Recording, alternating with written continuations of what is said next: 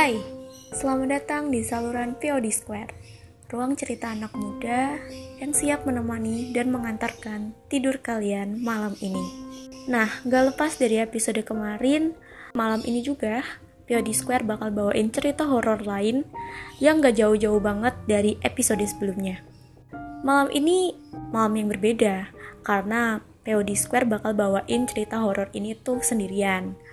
Kenapa? Karena cerita horor malam ini memang berhubungan langsung dengan pengalaman pribadi dari POD Square nih. Jadi, siap-siap aja buat kalian yang mungkin lagi nugas, skripsian, bikin laporan praktikum mungkin, atau kalian lagi gabut di kos dan bingung nih, kayaknya saluran di YouTube gitu-gitu aja siap-siap aja kalian dengerin podcast ini. Dan aku juga mau ngenalin ke kalian sebelumnya tentang YouTube channel aku yaitu Dinda Natsir yang membahas teori-teori ataupun ilmu kegeografian di segmen Geovlog dan konten-konten seru lainnya di segmen The Diary. Kalian bisa tonton dan menikmatinya. Jangan lupa juga buat share podcast ini agar gak cuma kalian yang bisa mendengarkan ruang cerita anak muda, tapi anak-anak muda yang lain atau mungkin anak kampus lain juga bisa ikutan, terutama anak UNES nih. Jadiin saluran ini jadi portal ruang ceritanya anak-anak UNES. Tentunya, kayaknya nggak usah lama-lama, jadi kita bisa langsung lanjut ke cerita horor malam ini.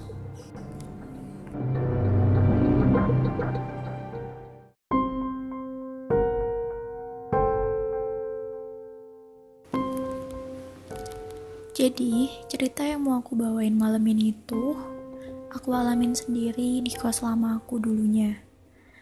Nah, kos lama aku itu tempatnya tuh di belakang kampus persis. Kalau buat teman-teman yang udah kenal mungkin paham lah ya kampus mana sih yang aku maksud kayak gitu. Kebetulan kosnya itu sampingnya area kuburan. Jadi ya kayak nambah kesan merinding gitu lah. Cuma buat aku yang masih mahasiswa baru waktu itu kayak kerasa ya berani-berani aja gitu. Karena emang aku tuh orangnya cuek kayak gitu kan. Bukan berarti aku nggak percaya loh ya sama kayak gituan. Cuma kalaupun ada ya aku cuek aja gitu orangnya. Terus nih ada beberapa kejadian-kejadian ganjil selama aku ngekos di situ. Aku nggak tahu loh apakah itu emang bener-bener pengaruh dari deketnya area kuburan sama kosan atau apa? Karena kan ada juga tuh teori kalau di setiap tempat itu ya pasti ada lah ya nggak mungkin enggak oke okay. cerita yang pertama yang aku alamin di sana mungkin gangguan ini nggak yang terlalu ekstrim banget tapi ini bener-bener pertama kalinya aku itu ngerasain karena aku kan salah satu mahasiswa di jurusan bidang geografi yang emang terkenal banget sama laporan praktikum yang banyak gitu ya. Jadi tiap malam tuh kita-kita tuh anak-anak geografi nugas.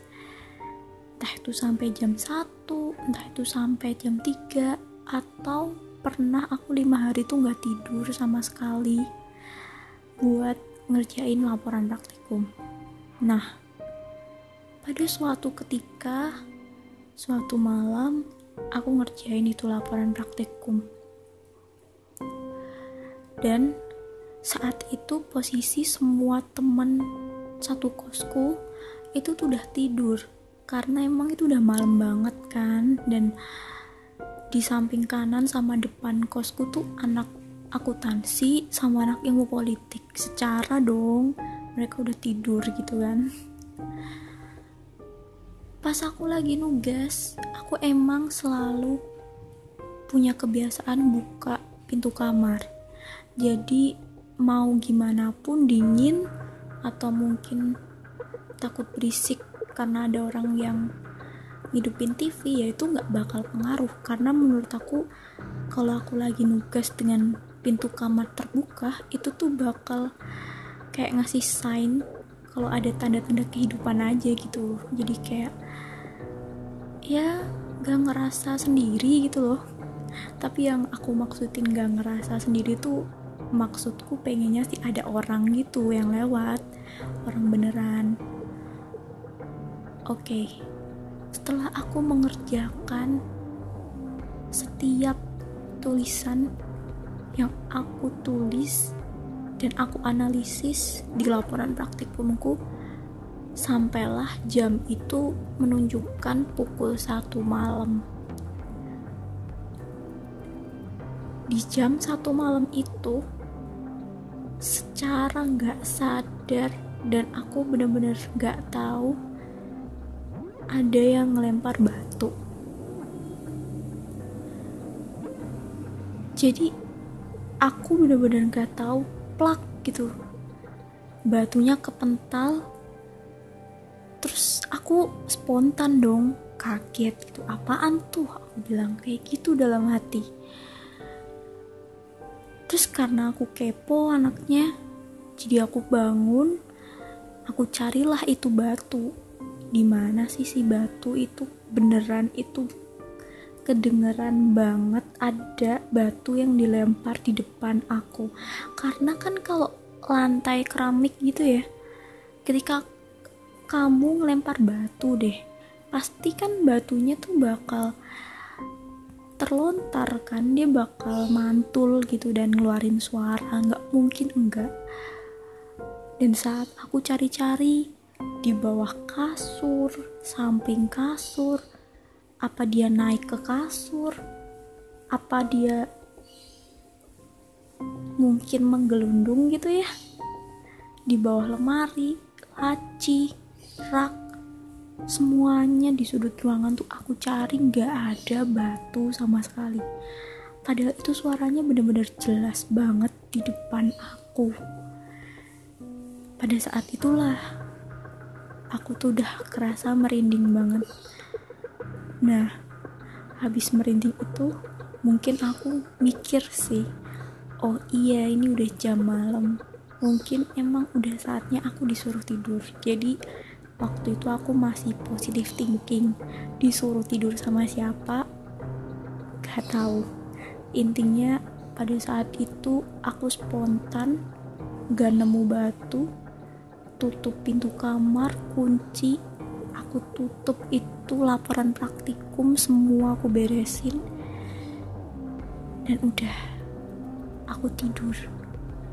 Aku gak pernah cerita pengalaman itu sama sekali saat aku ngekos di kos lama itu sama teman-teman yang ada di situ.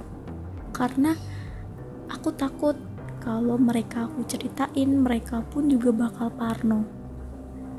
Tapi nggak lama setelah selang hari itu adalah kejadian lain yang emang itu dialamin sama teman aku sendiri.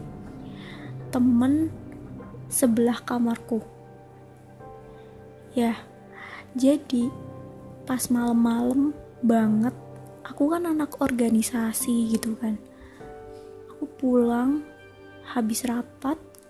Ketika aku pulang saat itu waktu menunjukkan jam 12 malam. Pas aku datengin kamarku sendiri itu kamarku tuh udah posisi kuncian bener-bener dikunci dari dalam kan dan aku nggak bisa masuk dong. Aku udah gedor-gedor pintu. Bukain dong bukain bukain. Kayak gitu ya you can imagine lah. Kayak gitu jam 12 malam coy. Dan akhirnya gak dibukain. Akhirnya sampai pagi ini aku tidur di depan TV ya emang konyol sih sebenarnya ini tuh. Tapi Pas aku nyamperin paginya ke kamar, keluarlah si temanku itu. Anggap aja namanya si A kayak gitu.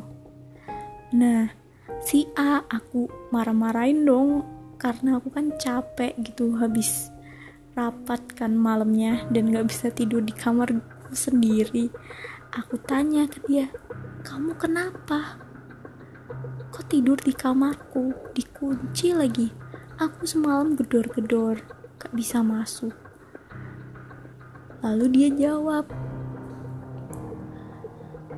aku takut. Terus aku bingung dong seketika aku sempat mikir dia ngerasain apa yang dulu aku alamin gak ya? Terus kepo nih aku tanya dong kamu takut? Takut kenapa?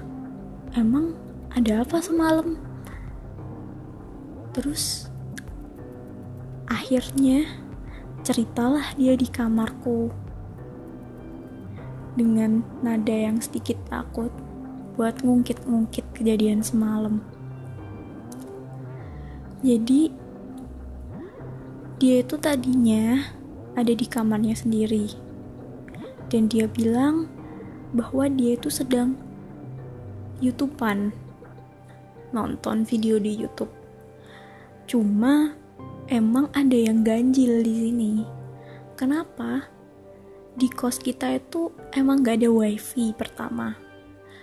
Terus yang kedua, kita setiap kali mau nyambung wifi itu selalu nyambung wifi kampus sebelah karena letaknya kosku yang emang nyamping banget ya sama kampus gitu kan. Jadi kita nyambung dari wifi sebelah gitu kampus yang ada di samping. Nah pada saat malam itu dia cerita kalau dia juga bingung. Biasanya wifi itu nggak pernah nyampe ke kamarnya dia hanya sebatas di ruang TV. Nah, pas malam itu ada wifi dong yang nyangkut ke kamarnya dia, di laptopnya dia.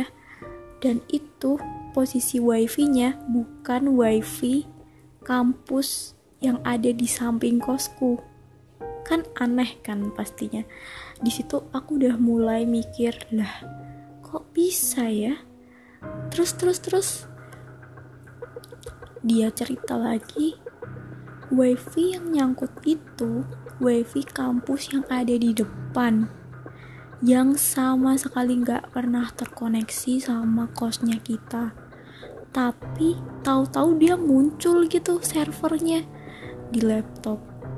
Nah karena anak-anak nggak pernah gunain itu wifi ya dia sebagai orang yang kepo juga gitu milih gunain wifi itu karena kan secara pasti penggunanya lebih sedikit daripada wifi yang kita gunain biasanya.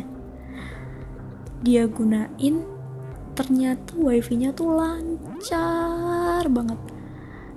Dia enjoy di kamar bisa nonton banyak video kayak gitu kan. Tapi setelah aduh gila aku merinding sih ini. Setelah dia nonton video yang kelima dia kerasa ada something yang berbeda gitu. Tiba-tiba itu saluran wifi dari kampus depan yang dia sambungin tuh hilang. Tiba-tiba banget itu hilang bener-bener gak bisa nyambung lagi.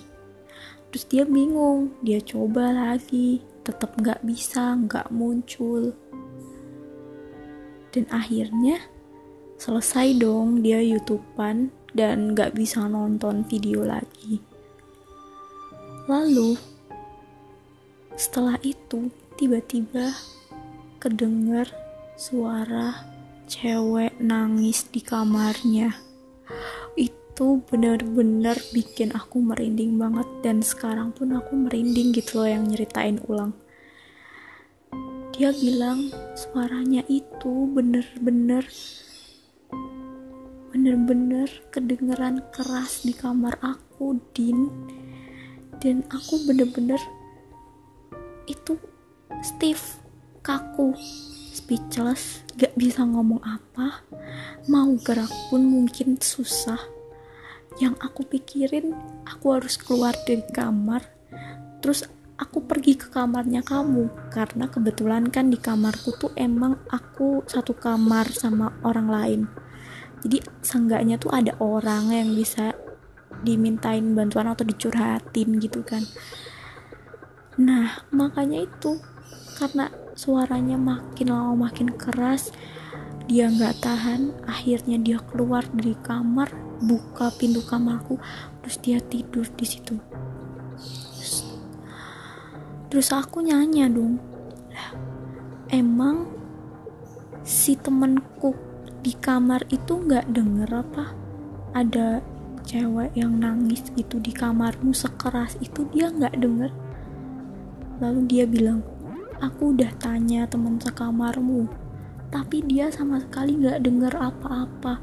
Dan cuma aku yang denger suara itu itu jelas banget di kamar bergema. Suara cewek nangis.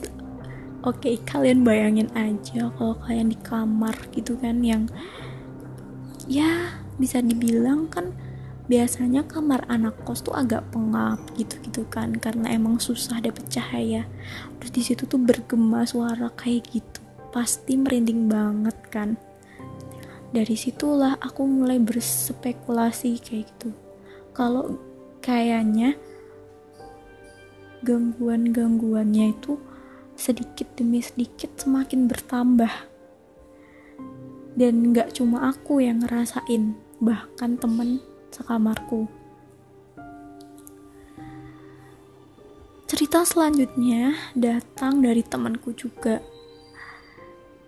yang sekarang ini punya cerita agak konyol tapi horor. Jadi suatu ketika aku sama si Ani lagi pergi kan dari siang sampai sore. Tapi aku perginya itu pakai motornya si B. Pinjem lah kayak gitu. Nah, aku udah bilang kalau aku bakal pergi dari siang sampai sore. Lah si B ini sekitar jam 5 sore nonton TV bareng sama temen-temen kos yang lain di ruang TV lo kalian semua pasti tahu lah suara TV itu pasti keras gitu kan. Tapi suatu ketika si B ini tiba-tiba dengar ada suara yang manggil namanya dia. B B B kayak gitu. Si B bingung. Dia memastikan terlebih dahulu ini bener ada yang manggil apa enggak. Lalu dia tanyalah ke anak kos yang lagi bareng nonton TV sama dia. Terus satu anak kos itu bilang dong Iya, kita dengar. Si Dinda manggil kamu, B. Sono samperin. Oke lah. Kata si B, ya emang suara yang manggil dia itu mirip banget sama suaranya aku gitu kan. Karena suaraku kan kalau manggil orang tuh kayak khas gitu ya. Ya, ya lidah Jawa gitu kan kayak ada medok-medoknya si T. Jadi akhirnya dia pastiin dia ke ruang tamu. Di ruang tamu dia nggak lihat aku. Terus dia cari ke belakang nggak lihat juga. Akhirnya dia tanyalah ke anak-anak di sekitar situ karena sumber suaranya di daerah situ. Eh kamu tadi denger nggak? Dinda manggil namaku lihat nggak Dinda di mana? Si anak-anak depan itu bilang, nggak ada. Emang ada Dinda? Nggak ada yang manggil, nggak ada yang manggil-manggil kamu, B. Nggak ada. Oke, si B mulai ngerasa aneh dong. Terus dia jalan lah ke kamar depan kamarku. Dia lihat kamarku masih gembokan Lalu dia tanya ke tetangga kamarku, kamu tahu nggak Dinda udah pulang? Si anak bilang, Enggak, dia belum pulang sama sekali. Kan dia pergi sama si A kan pakai motormu. Nah, lalu si B ini langsung balik ke depan ruangan TV. Dia ngomong sama anak kos. Kalian tadi denger kan keras banget. Dinda tuh manggil namanya aku. Anak-anak kos serentak semua bilang iya. Iya itu tadi tuh suaranya Dinda keras banget gitu. Lalu si B itu makin penasaran. Ngechat lah dia aku. Zaman dulu si BBM ya. Dia BBM aku Din kamu di mana? Kamu udah pulang apa belum? Kamu ngapain sih manggil-manggil aku? Itu posisi aku nerima BBM-nya aku ada di jalan sama si A. Aku sama si A bingung dong. Hah? Manggil? Hah? Pulang? Siapa yang udah pulang? Lah orang aku di sini dari tadi masih di jalan baru OTW aku jawab di BBM-nya sorry be aku masih di jalan ini baru aja mau pulang belum sampai kos. Dari situlah pulang-pulang aku dapet cerita dan satu anak kos semuanya merinding. Begitu aku dateng terus nyamperin mereka di ruang TV raut mukanya tuh udah gak enak banget. Terus si B langsung nanya ke aku dong Din ini beneran kamu kan? Dia bilang kayak gitu. Terus aku jawab lah iya ini beneran aku. Emang siapa? Enggak ini beneran kamu kan? Iya ini beneran aku. Ini bukan kamu kamu kamu KW kan? Dia bilang kayak gitu. Lah aku yang bingung dong tapi di situ bener-bener aku lihat raut mukanya anak-anak sekosan tuh kayak pada merinding. Bahkan lihat aku yang asli aja kayak takut gitu. Kan ini kenapa gitu ya? Harus nyamarnya nyamar jadi aku gitu ya? Kenapa nggak nyamar yang lain gitu kan? Kan jadi ilfil juga akunya kan ke anak-anak kos. Kayak gitu ceritanya. Gimana dong apakah cerita-cerita ini udah cukup merinding buat kalian? Atau kalian mau lanjut ke cerita selanjutnya? Kayaknya kita lanjut aja ke cerita selanjutnya. Dan ini cerita yang mungkin emang udah kayak parah sih. Yang ngalamin cerita ini tuh si B lagi karena emang si B tuh kayak mungkin sering tidur malam kayak gitu ya. Jadi ya eksistensi dari yang lain tuh kayak pengen gabung gitu. Suatu malam si B itu lagi ngobrol-ngobrol asik sama anak-anak cowok yang ada di satu rombel kuliah. Bahas kuliah bahas temenan atau curhat-curhat gitulah. Di situ ada empat orang si B dan temen ceweknya si C dan dua temen cowoknya. Nah singkat cerita pas mereka udah asik ngobrol sampai jam 1 jam 1 sampai setengah 2 tiba-tiba kan udah pada ngantuk si anak cowok itu minta pulang. Udah yuk pulang. Ngantuk nih. Si B ya udah pulang pulang aja. Lah pas waktu itu motor mau dinyalain kuncinya hilang dong. Kuncinya hilang dan mereka tuh nyariin itu lama banget di depan sampai motor dijungkir balikin kayak jungkat-jungkit gitu. Can you imagine ya?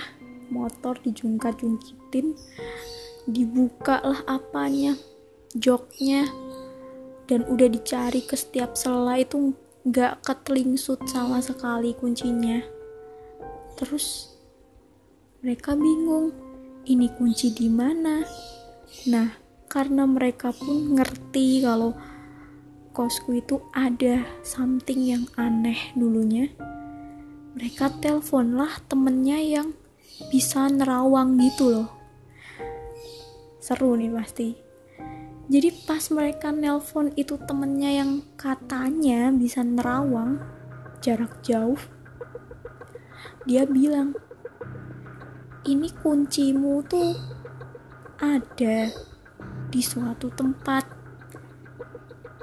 Nah emang ya mungkin kayak disembunyiin kayak gitu loh.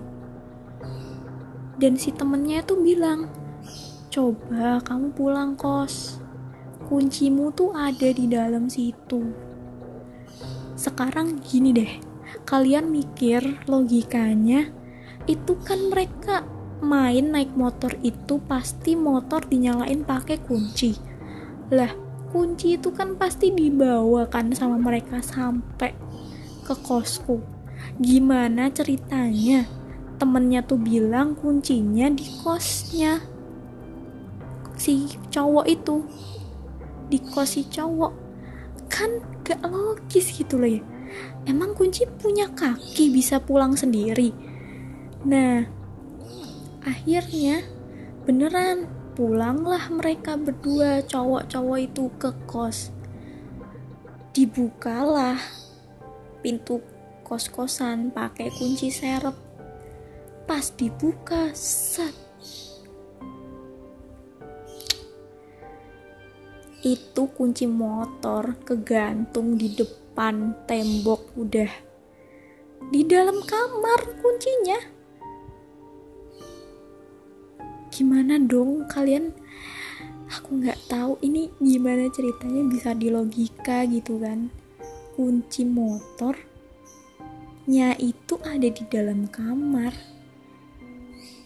Setelah aku dengar cerita dari si B tentang hal itu antara aku pengen ketawa aku pengen takut juga kok serem ya kunci buat mainan sampai segitunya dan ngerasa ngeri gitu tapi ini bener-bener konyol cuma horor gitu loh guys.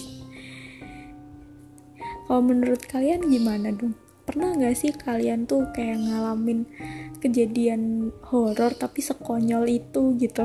Sampai kalian tuh bela-belain apa sih jungkir balikin motor loh. Eh ternyata kuncinya pulang sendiri dong. Kan lucu banget